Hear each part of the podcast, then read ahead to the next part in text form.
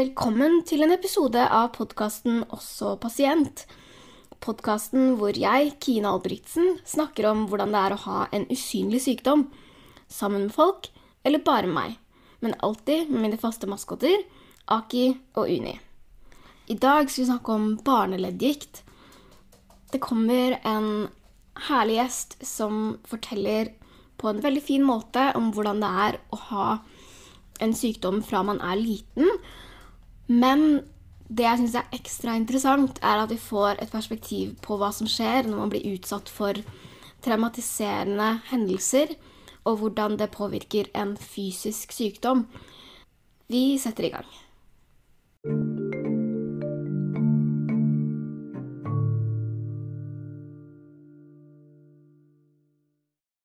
Da er vi klare for en ny episode av Også pasient. Og ukas gjest er Marita. Velkommen. Takk skal du ha. Og i dag skal vi snakke litt om eh, barneleddgikt. Men først litt om deg selv. Eh, hvem er du, hvor i landet er du, f.eks.? Eh, jeg er Marita og er 26 år. Blir veldig snart 27. Og akkurat nå så sitter jeg nede i Notodden, der jeg studerer. Men barneleddgikt, eh, kan du først si litt om hva det er? Eh, det si, medisinske navnet er jo da juvenil idiopatisk artritt.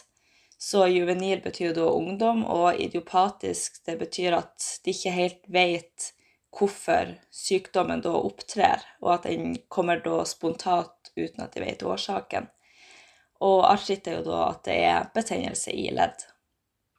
Eh, så det er jo en skjult og kronisk sykdom som da eh, Grunnen til at det er barneleddgikt, er for at det kommer før man da er fylt 16 år. Og det er også en, det som kalles autoimmun sykdom, altså at eh, immunforsvaret mitt angriper eh, friske celler i stedet for de som er syke. Eh, så de friske cellene mine blir da ødelagt, og vevet som da tilhører de her cellene. Og da oppstår jo da de her betennelsene. Så man får da diagnosen hvis man da har betennelser i ett eller flere ledd i eh, det er vel mer enn seks uker eller to måneder til sammen i sammenhengende, da. Mm. Og under 16 år, det er ganske tidlig. Eh, når var det du fikk symptomer? Um, da gikk jeg i niende klasse, jeg hadde akkurat begynt i niende klassen. Uh, så da var jeg jo 14 år. Uh, så da begynte jeg å få symptomer. Det var håndleddet som starta først. Trodde egentlig bare det var senebetennelse, at jeg hadde skada meg når jeg spilte fotball, så jeg spilte fotball. Så det gikk jo et halvt år uh, før jeg fikk diagnosen, og det gikk vel ganske mange måneder før Eh, jeg kom til legen da stefaren min merka på energinivået mitt at jeg ikke var eh, veldig oppe sånn som jeg brukte å være, men at jeg gikk og var veldig slapp og sånn. Så da eh, kom jeg meg til legen til slutt, og så ja, trodde legen òg egentlig at det var betennelse først, og så begynte hofta i tillegg, så da eh, balla det litt på seg, og så skjønte de til slutt at her må vi ta MR av eh, håndledd og hofte, og så viste det seg å være barneleddikt, da. Fordi det fins eh, to typer eh, barneleddikt, eh, lærte du meg. Ja. hva, hva, er de to?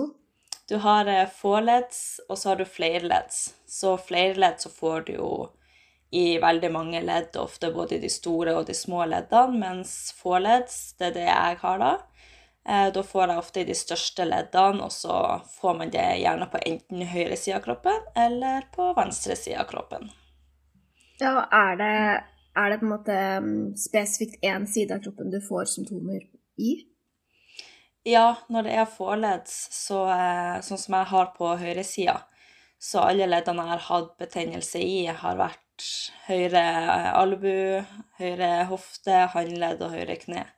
Hvordan er det å bli syk da når du er 14 år? Eh, det å få høre ordet leddgikt, det var veldig flaut. eh, så det var liksom hvordan man skal forholde seg litt til det, for at jeg følte meg jo ikke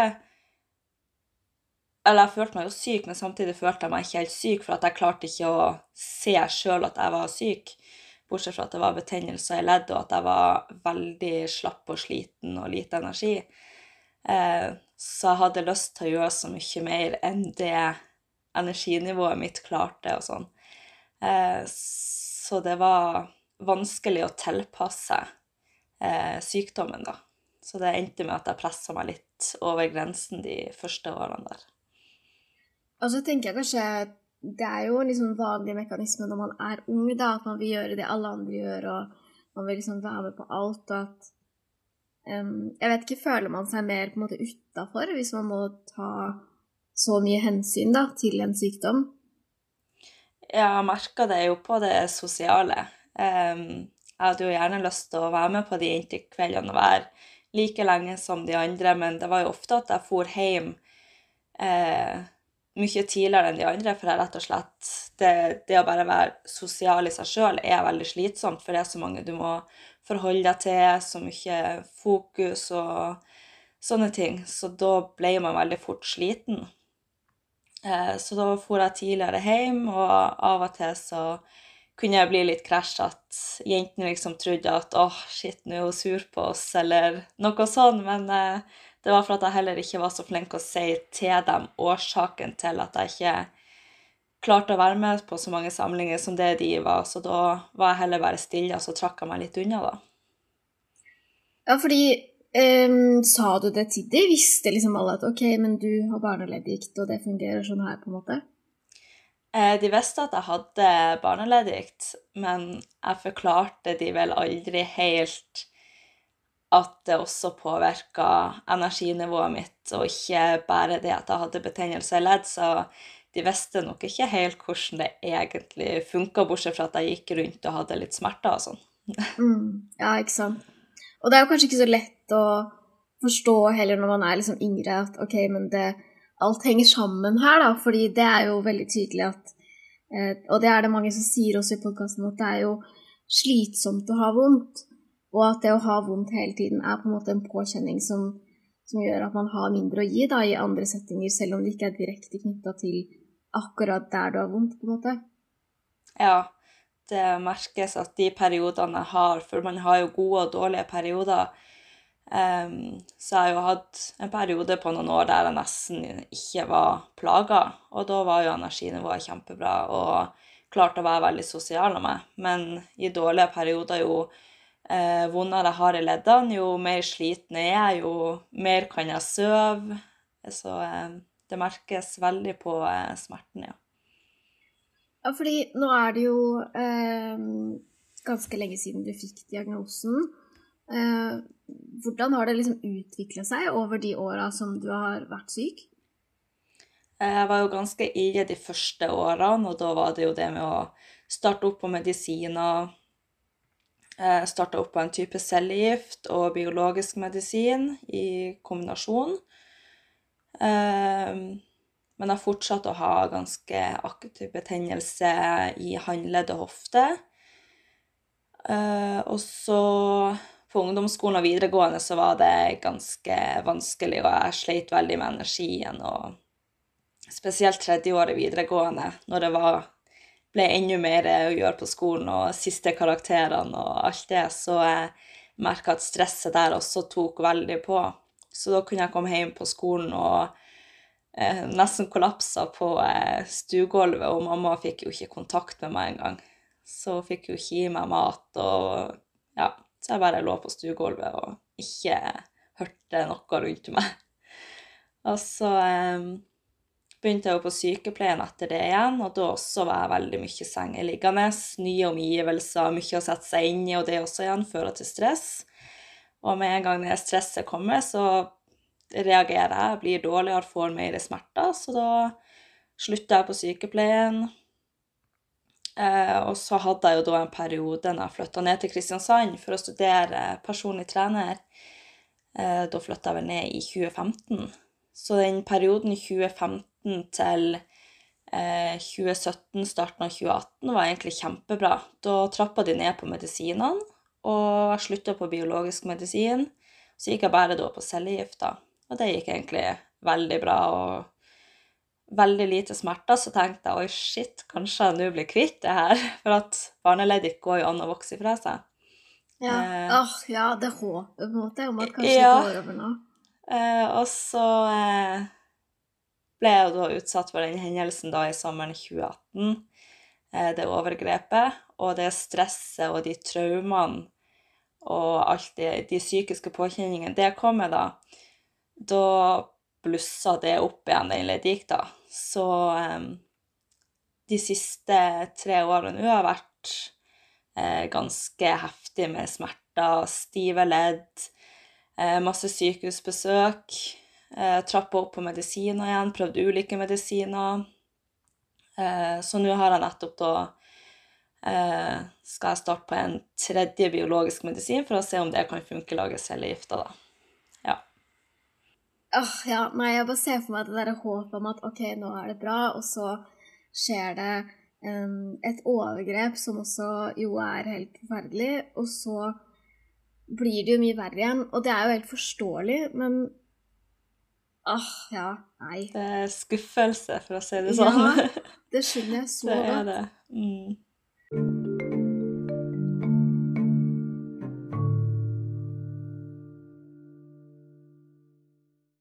Men eh, først litt om denne medisinen, fordi eh, cellegift er nevnt, og biologisk medisin. Eh, jeg tror Hadde jeg fått beskjed om at jeg skulle få cellegift da jeg var typ 14-15 år, så tenk, nå har jeg kreft, og jeg kommer til å miste håret. Ja, det, det var mine tanker, og det hørtes med en gang mye mer alvorlig ut. Det var sånn Ja, barneleddet, OK, ante egentlig ikke hva det innebar. Og så ja, nei, du må gå på en type cellegift, og da var det litt sånn Oi, OK, hva, hva er egentlig dette? Hvordan skal jeg Hvordan kommer eh, skolen til å gå? Hvordan kommer livet framover til å gå? Men det er jo heldigvis ikke så stor dose sånn som kreftpasienter får og sånne ting, da. Men det er jo nok til at man kjenner på matlyster, kvalme, energinivå. Um, og så tenker jeg også at når jeg sier til folk at jeg går cellegift, på cellegift, så hjelper jo det også litt at de kanskje skjønner litt at jeg ikke tuller når jeg har vondt. Det er Jeg er seriøs når jeg sier at jeg har vondt, selv om jeg uh, en time siden så var jeg liksom der oppe og hadde så mye energi, og så timen etter så kan jeg være sengeliggende eller ha null energi, så uh, er det litt vanskelig for folk å skjønne. Men med en gang liksom, ja, nei, jeg går annet på cellegift, da tror jeg at det hjelper litt på at de kanskje skjønner da alvoret, at jeg faktisk er syk, selv om de ikke klarer å se det, da. Hvis man har en, en, en diagnose som er avklart, og som man vet hva er, eh, så vil man jo gi en eller annen type behandling. Og jeg tenker at um, cellegift er jo kanskje litt sånn drastisk middel, så det sier jo kanskje også noe om hvor mye som må til for å på en måte bedre det. da, At cellegift er jo liksom Det føles i hvert fall sånn ut for meg, som ikke kjenner til det segmentet der så godt, at det er liksom OK, men da må man eh, virkelig ta tak her. Og det, det skjønner jeg jo at flere folk også tenker sånn OK, men da ta det seriøst, på en måte. Ja. Ja, det er litt eh, Holdt på å si, bare ordet er jo nesten skummelt. Når du får med en gang gift inn i, inn i ordet, så eh, skjønner man at det er et eller annet den medisinen da må ta knekken på. Men hvordan får man cellegift eh, i din situasjon? Eh, du kan enten få det i tablettform eller i sprøyte. Og nå er det jo også kommet penn, da. Eh, så jeg starta med å få eh, tablettform, og nå tar jeg da penn som jeg setter i magen én gang i uka. Eh, så nå har jeg jo nå nettopp eh, økt dose til, til det meste man kan få. Eh, så da er det i magen én gang i uka. Mm. Og denne biologiske medisinen, hva, hva går det ut på? Eh, den også kommer i sprøyteform. Eh, så har du jo veldig mange ulike typer biologisk der. Så de jeg har tatt, noen av de, så har jeg sittet den nå en gang i uka. Eh, den siste jeg tok nå, var annenhver uke.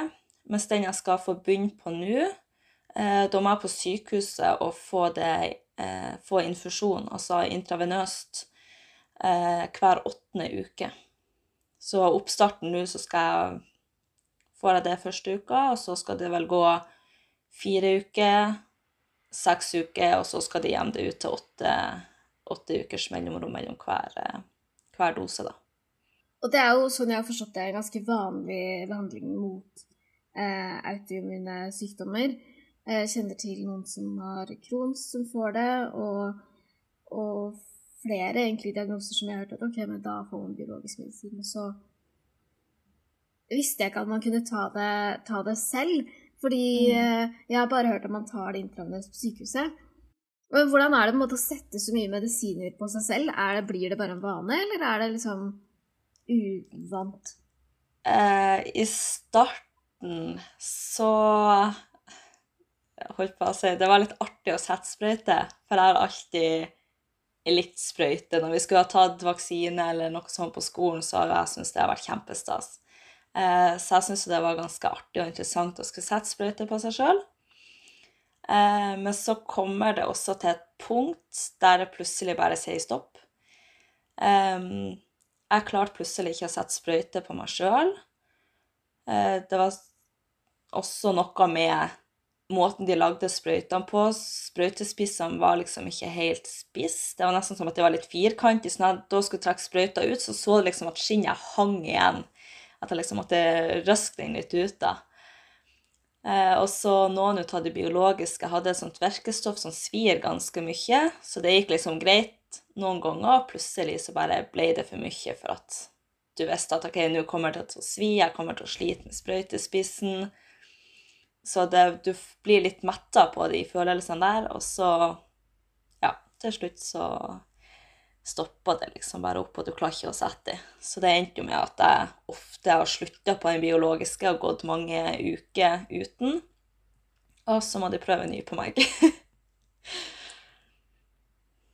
og det kan jeg jo forstå. Men hva har du liksom tenkt da, når du ikke har fulgt opp, på en måte? Når du ikke har gjort på en måte det du kan da, for at det skal bli bedre?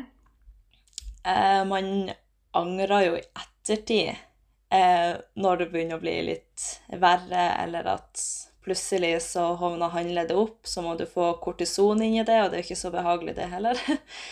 Um, så kortison er liksom en medisin de kan sette rett inn i leddet på sykehuset hvis du har aktiv betennelse.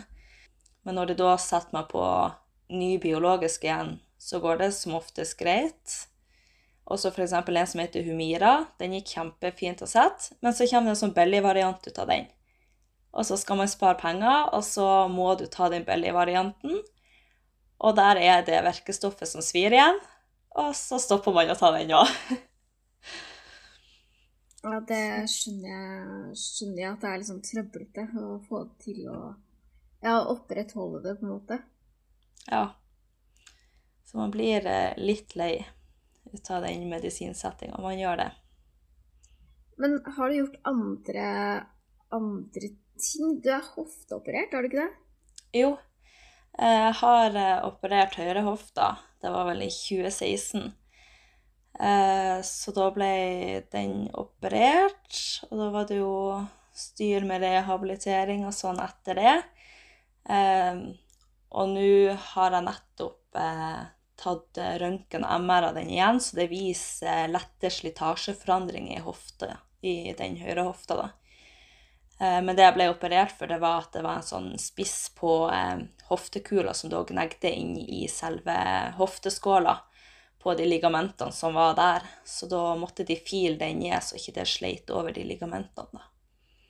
Så eh, det ble jo mye bedre etter det, det ble det. Men eh, smertene er der ennå. Ja,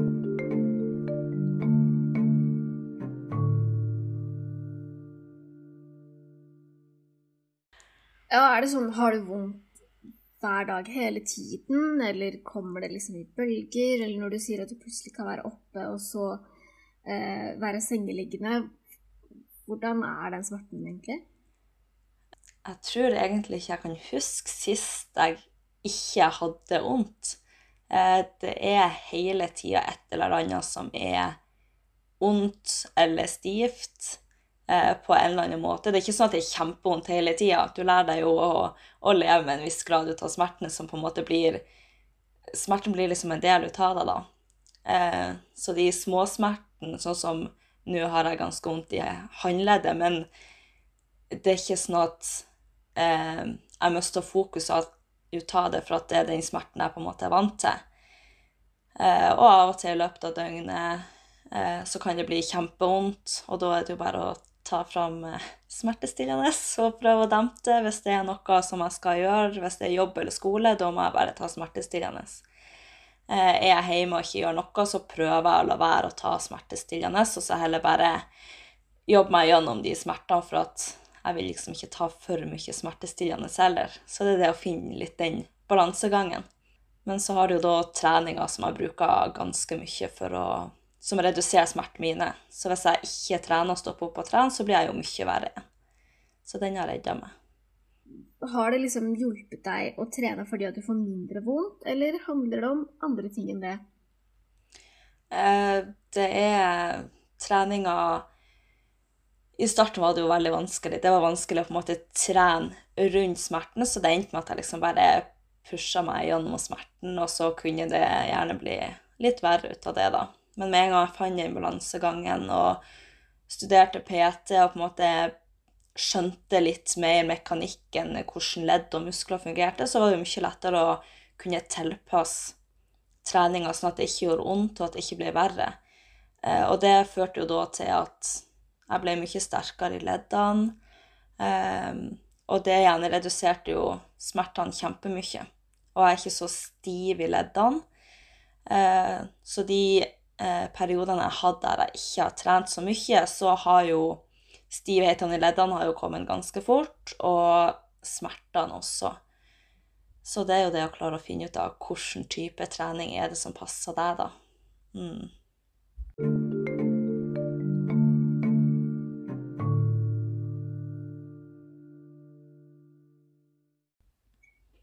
Du ble jo utsatt for et overgrep i 2018.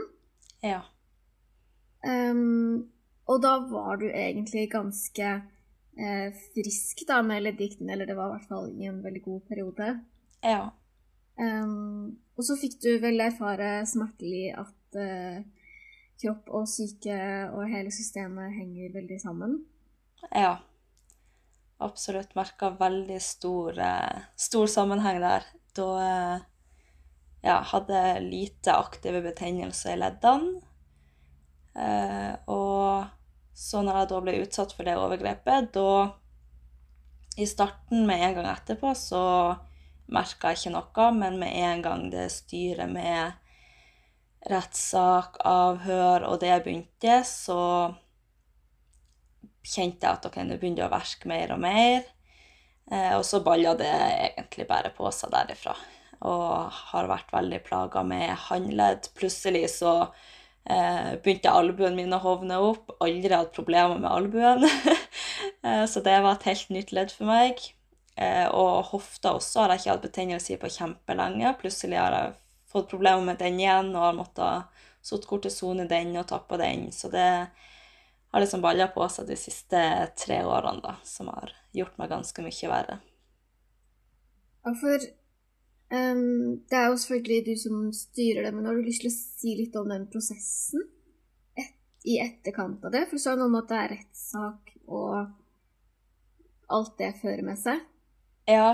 Um, tida rett etterpå så Jeg var jo veldig fjern.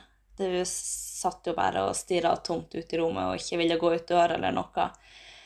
Uh, så han jeg var i laget da, han uh, han sa det jo at han satt jo bare og så tomt ut i lufta og fikk jo ikke kontakt med meg eller noe sånt. Så var det jo det å på en måte bestemme seg for skal du anmelde eller skal du ikke anmelde. Og bare det er jo en prosess i seg sjøl, å gå de rundene med seg sjøl.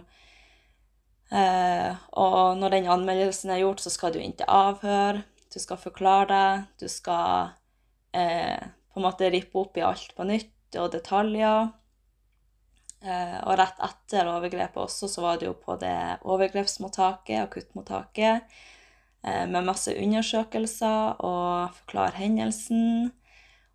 Og så skulle de jo få oppfølging av lege også etterpå, i, etter var, tre måneder og seks måneder og ett år eller noe sånt, bare for å sjekke Og så var det jo da Tok det jo over ett år før første rettssak.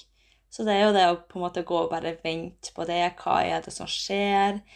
Eh, du vet liksom ikke så veldig mye. Og så får du liksom den innkallelsen, og så OK, da er det første rettssak. Så er det bare å stålsette seg for det. Så eh, ja.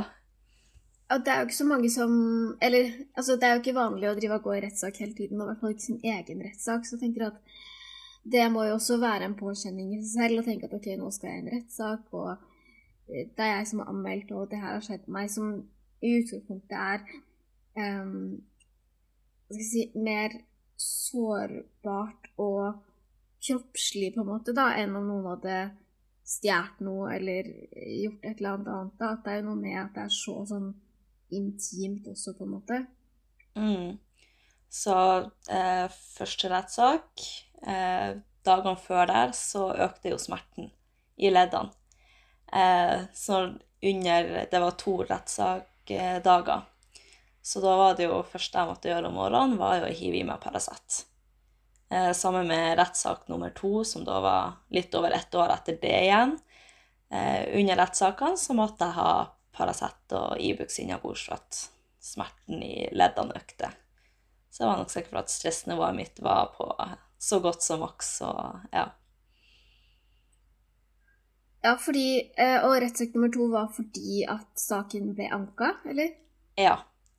Så da anka han etter første rettssak, så da ble det en ny runde, og da var det jo hele den prosessen på nytt igjen. Eh, I nytt avhør i selve rettssaken, må rippe opp i alt på nytt, må se han på nytt. Så det er jo Man har liksom ikke helt klart å få den roa. Så det er jo først nå eh, på nyåret i år at jeg på en måte har klart å eh, få tilbake litt mer ro, komme mye mer til meg sjøl eh, og føle mer at jeg er meg sjøl igjen, eh, kontra sånn som jeg var for eh, to år siden, tre år siden. Når jeg tenker tilbake på det nå, så kjenner jeg jo nesten ikke meg sjøl igjen. så ja. Fordi at du var så påvirka av det som skjedde, på en måte? Ja. Eh, Endra veldig personlighet også, egentlig. Eh, og det var for at jeg sikkert dytta alt bak i hodet, for jeg er jo ikke den som snakker mest om følelser. Eh, så det ender med at man dytter ting bak i hodet. Eh, og så må du jo takle det på en eller annen måte, så da eh, ja, later man rett og slett som at man er en annen person enn det man egentlig er, for at da glemmer du litt de følelsene og klarer å holde de tilbake, da. Var det en uh, vellykket strategi, eller hvordan uh, funka det? Nei, uh, det var ikke det. Jeg endte jo uh, um, Jeg måtte jo til slutt fire-fem dager på psykiatrisk avdeling. og det var rett og slett for at jeg ikke fikk i meg mat. Og jeg klarte ikke å sove, for jeg hadde så mye mareritt og flashbacks. Eh, så jeg jobba liksom på høygir hele tida. Så hun eh, psykiateren sa det jo at kroppen din fire maraton per dag uten å få noe restitusjon og uten å få noe mat og energi inn. Så grunnen til at de da la meg inn på psykiatrisk, det var rett og slett for å si, tvinge i meg mat, få tilbake matrutiner. Jeg måtte spise fire ganger for dag. Og at jeg skulle få meg ordentlig søvn. Nok timer med søvn. Eh, sånn at jeg fikk henta meg litt inn. Så de kalte det jo en liten miniferie. Sånn for at jeg var jo åh, jeg må klare skolearbeid også. Jeg kan ikke la skolearbeidet bli påvirka av alt det her som har skjedd. Så jeg var jo stressa pga. det òg. Så da fant jeg ut at nå må du ro deg litt ned. Det går greit om skolen ikke kommer i første rekke akkurat nå. Absolutt. Og nå er alt av rettssaker ferdig? Ja, nå er alt ferdig. Så nå kan du begynne å lande? Ja. Så nå har jeg endelig føler jeg har eh, landa og kommet mer til meg sjøl igjen, fått tilbake mye mer energi. Eh, Behandlinga på leddgikta har de begynt å finne ut av nå. Og de siste to månedene har jeg hatt mye mindre smerte enn det jeg har hatt Så nå begynner ting endelig å gå litt bedre igjen. Så bra. ja. Det er jo kjempebra. Men det er sånn, du merker det enda, liksom? Henger det igjen eh, dette med, med overgrepet, liksom? Eller er det på en måte ferdig nå? Eller hva jeg skal si? Eh, det er jo tanker der som streifer deg hver dag. Eh, det går jo ikke en dag uten at jeg tenker på et eller annet der. Men det er ikke sånn at jeg får så kraftige flashback sånn som jeg fikk før. For før så kunne jeg jo bare sett enten i forelesninger på skolen, eller hvis jeg ikke eh, var opptatt med noe, så kunne jeg jo sett og få sånn billedlige flashbacks da, at jeg speisa litt ut og, og, sånne ting. Men det får jeg jo ikke nå lenger. Og så hadde jeg også veldig mye mareritt før, eh, og det er mye sjeldnere nå. Men det er jo sånn at du tenker jo på det hver dag, for det er jo på en måte blitt en del ut av det.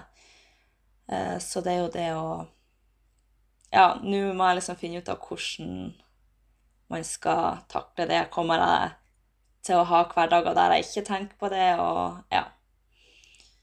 Mm.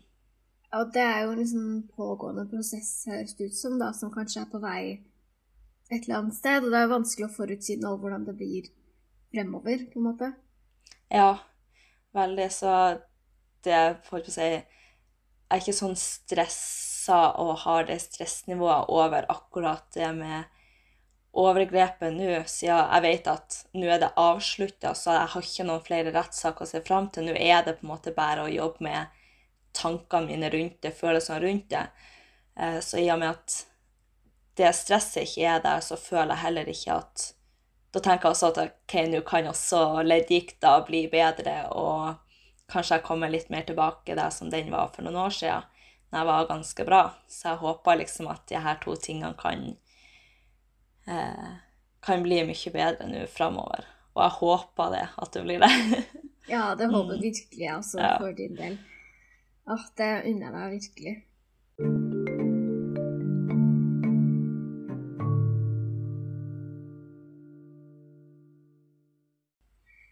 Du sa at du hadde en kjæreste da det overgrepet skjedde. Ja. Um, men ikke i dag, eller?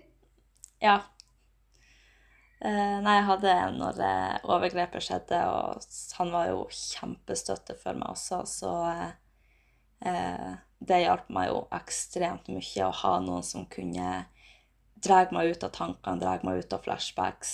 ja, være der for meg hvis, det, hvis jeg plutselig ble redd eller skremt, så visste jeg at han var der og på en måte kunne få meg litt bort ifra det, da.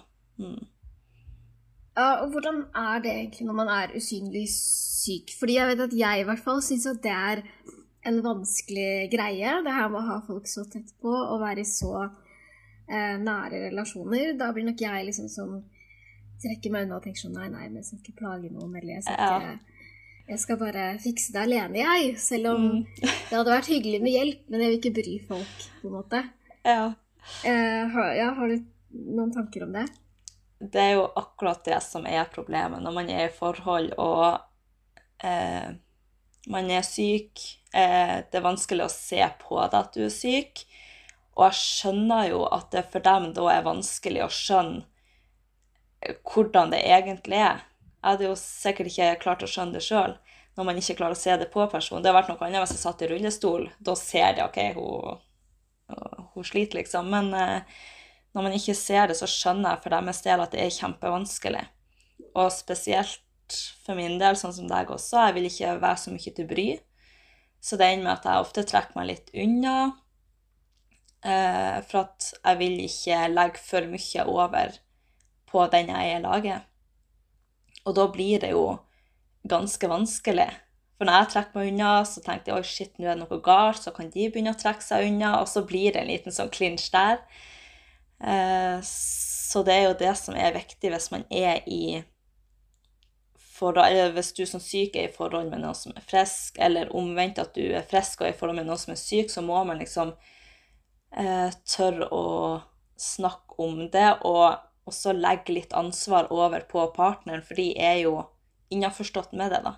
De vet jo hva, det, hva som skjer med deg, og hvordan du reagerer på sykdommen. Så jeg tror det er viktig å være åpen, sånn at man kan hjelpe hverandre, da. For det er, kan fort bli eh, kollisjon der, ja.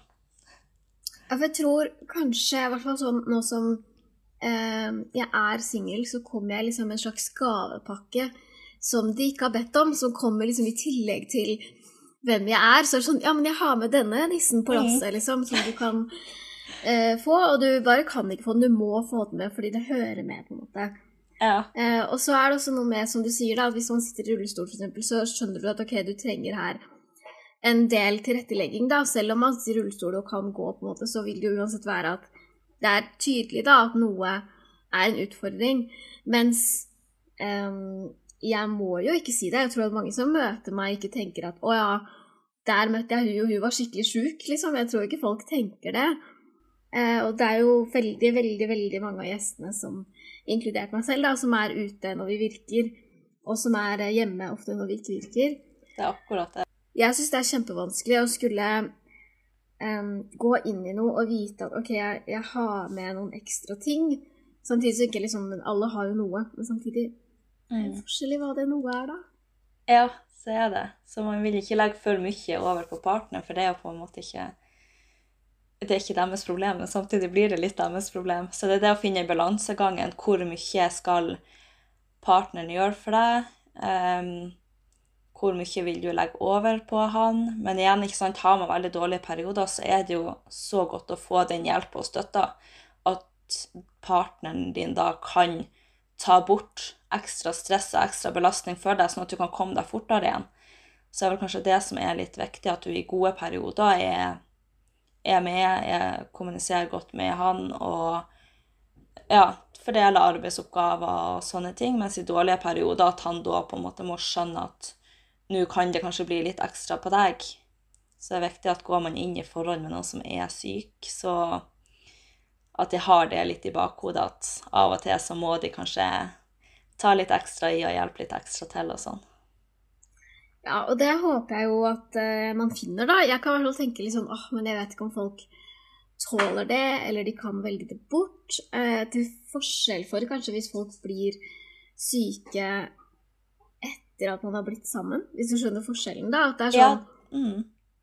At det er liksom en forskjell der at ok, men du var denne personen, og så skjedde det noe, da skal jeg selvfølgelig hjelpe deg, men så må du liksom gå inn i det og tenke at ok, det er noen ekstra Ja. ting her, da. Og så er det jo litt ubehagelig å skal legge så mye på en annen som man er glad i, da.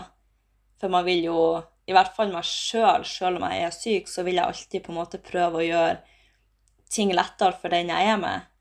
Eh, og da det blir litt krasj der av og til, altså. Så det er ubehagelig å skal legge mer ansvar over på, på den man er med. Ja, hele den greia. Når sier man det? Hva skal man si? Skal de Ja. skjønne det selv? Altså, det er mange ting der som er liksom utfordrende, men jeg vet ikke, folk er jo forskjellige kanskje hva de, hva de ønsker, da. Ja. Nei, så det er balansegang der også. Det er det. Ja, det er eh, Jeg driver i hvert fall veldig av å finne ut av eh, av den Fordi jeg tviler jo ikke på at eh, det finnes folk som tåler det, på en måte. Ja. Um, det, det tror jeg absolutt det gjør, men så er det sånn uh, Både å finne de personene og ha det greit med det selv, og klare å finne den balansen. Det er noen ting på veien her som er liksom Som krever litt, da. Mm. Ja, nei, det Det er litt det, liksom Man føler seg litt som en burde også, på en måte. Eh, for jeg vet sånn som Hvis jeg tenker tilbake på en videregående når jeg plutselig kunne komme hjem fra skolen og bare lå eh, strak ut på stuegulvet, og man, mamma ikke fikk kontakt på meg, med meg, så blir man litt sånn OK, hvis det skjer igjen, jeg kommer jo sikkert bare til å se lat ut hvis jeg kommer hjem fra jobb og så bare ligger strak ut, liksom. Hva, man har litt sånn Hva tenker de om meg da? For at det er jo lett å tenke at OK, hun er bare lat, eller later som hun har vondt, later som at hun er sliten. Men igjen, når man liksom sier at åh, i dag er jeg sliten, så er det jo heller ikke snakk om å være vanlig sliten. Det er jo så mye mer enn å bare være vanlig sliten kunne ha gitt mye for å kjenne på den og bare være vanlig sliten, altså. Det tror jeg er mye lettere. Ja, det tror kanskje jeg òg. Jeg tror, det har jeg ikke tenkt så mye på, egentlig, men jeg legger nok i det å være sliten, så er det jo da veldig ofte at da er jeg jo helt ferdig. Jeg har ikke så veldig mye mer Ja. å gi da. Nei. Da vil jeg helst bare ligge helt stille, og så Det er vanskelig, vanskelig prosess, eh, det der. Og også liksom føler jeg nå når eh, dating er så sånn eh, belaga på utseende, da, egentlig. Ja. Så er det sånn Jo, jo, men vi ser jo helt friske ut, og så vet vi jo også av podkasten at veldig mange ikke er det. Mm. Det er akkurat det. Og det, det er jo ikke for ingen grunn at det kalles å være usynlig syk. For jeg tror ikke noen har sett meg og tenkt Oi, hun er syk. Eh, de fleste som ser meg? Jeg trener, jeg er aktiv, studerer. Eh, da tenker man automatisk at hun er frisk, hun har liksom ikke noen problemer.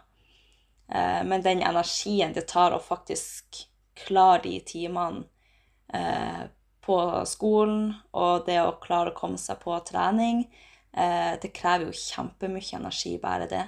Så de sier det jo, legen sa det i starten jeg fikk leddgikta, at man bruker ca. 25% mer energi på bare hverdagslige ting enn hva det friske folk gjør.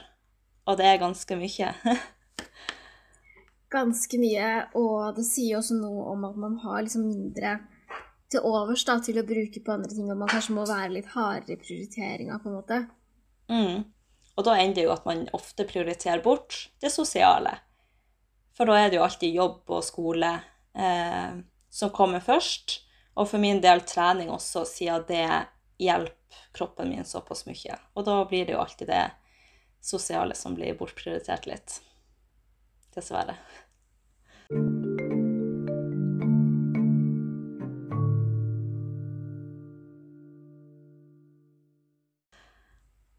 Hvordan er liksom en vanlig dag sånn som nå, da, når det er liksom Det er ikke på sitt verste, sånn jeg har forstått det, men samtidig eh, Det er jo ikke helt uh, bra. Uh, og så er det liksom OK, roen kan begynne å senke seg, men hvordan ser på en måte en vanlig dag ut uh, nå, da, sånn smertemessig, liksom? Nå er det mest om Sånn som på morgenen, med en gang jeg står opp, så er det veldig vanlig også med de som har leddgikt, at de har sånn eh, morgenstivhet i leddene. Så jeg også er veldig stiv i det håndleddet eh, jeg merker det mest i akkurat nå. Men er det sånn, kan du ikke røre på det, på en måte? Ja, det er sånn, det gjør liksom vondt å røre på det, men jeg klarer å røre på det nå. Men med en gang jeg står opp, så kan det være veldig sånn akkurat som at du må knekke det litt på plass og varme det litt opp, da. Eh, så når den stivheten der avtar, så er det jo da eh, bare smerten, da. Så da er ikke funksjon eh, Går det ikke så mye utover funksjon. Litt dårlig bevegelighet i håndleddet bare, men ikke så mye. Så eh, for noen to måneder siden så sleit jeg jo veldig med hoftefunksjon. Da klarte jeg jo nesten ikke å gå, for jeg klarte ikke å strekke ut i hofteleddet. Så da var det jo å halte seg bortover og sånne ting. Eh, Men nå når det er avtatt, så er det bare litt smerte igjen i hofta. Eh, Så gjennom dagen nå så er det overlevbare smerte, holdt jeg på å si. Klarer meg uten mye smertestillende, og jeg blir ikke begrensa så mye i bevegelsene mine. Så det er veldig godt. Ja, for er det liksom Kunne jo kanskje tenkt at det hadde vært mer behagelig at det syns når du må gå på krykker, f.eks. Eller er det sånn at den belastningen av å være så dårlig er uansett verre, på en måte, da? Jeg på å si Det positive med å måtte gå på krykke er jo at da ser de jo at jeg er syk, og at jeg har vondt. Men igjen så er det mye mer behagelig å kunne gå fritt eh, og gå uten krykke, og så får man heller se frisk ut, og så må man heller klare sjøl å være litt mer åpen om det, og være flinkere til å se hvordan det egentlig påvirker deg, til de som du ofte har rundt deg. Sånn at de vet at du plutselig kan være glad, og plutselig kan du Man blir jo ganske lett irritert når man har veldig vondt. At man kan bli litt irritabel av og til. Ja. Og det syns jeg også du bidrar masse til bare ved å være gjest i podkasten her, så det er jeg jo kjempetakknemlig for. ja, takk for at jeg fikk være med. Jeg syns vi har vært igjennom mye, og det har vært eh, interessant å høre om, fordi det er enda en type usynlig syk som nå enda flere vet litt mer om, så det er jeg veldig, veldig glad for. Det er egentlig rart hvor mange sånne synlige sykdommer som finnes, syns jeg. Det er ikke mangel på episoder her.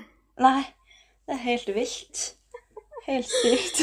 Lista over hva jeg kan lage episode om, den er lang, og det er veldig mange ting jeg ikke har hørt om, som er liksom Ja. også veldig sånn Yes. Så det er eh, kjempeinteressant, fordi jeg tenker sånn Da har vi fortsatt mye igjen å lære. Ja, det er akkurat det.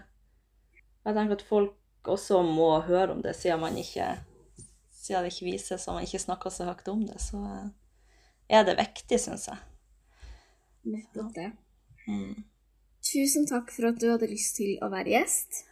Takk for at jeg fikk være med. Så er det bare én ting igjen å si, og det er ha det bra. Ha det bra. Tusen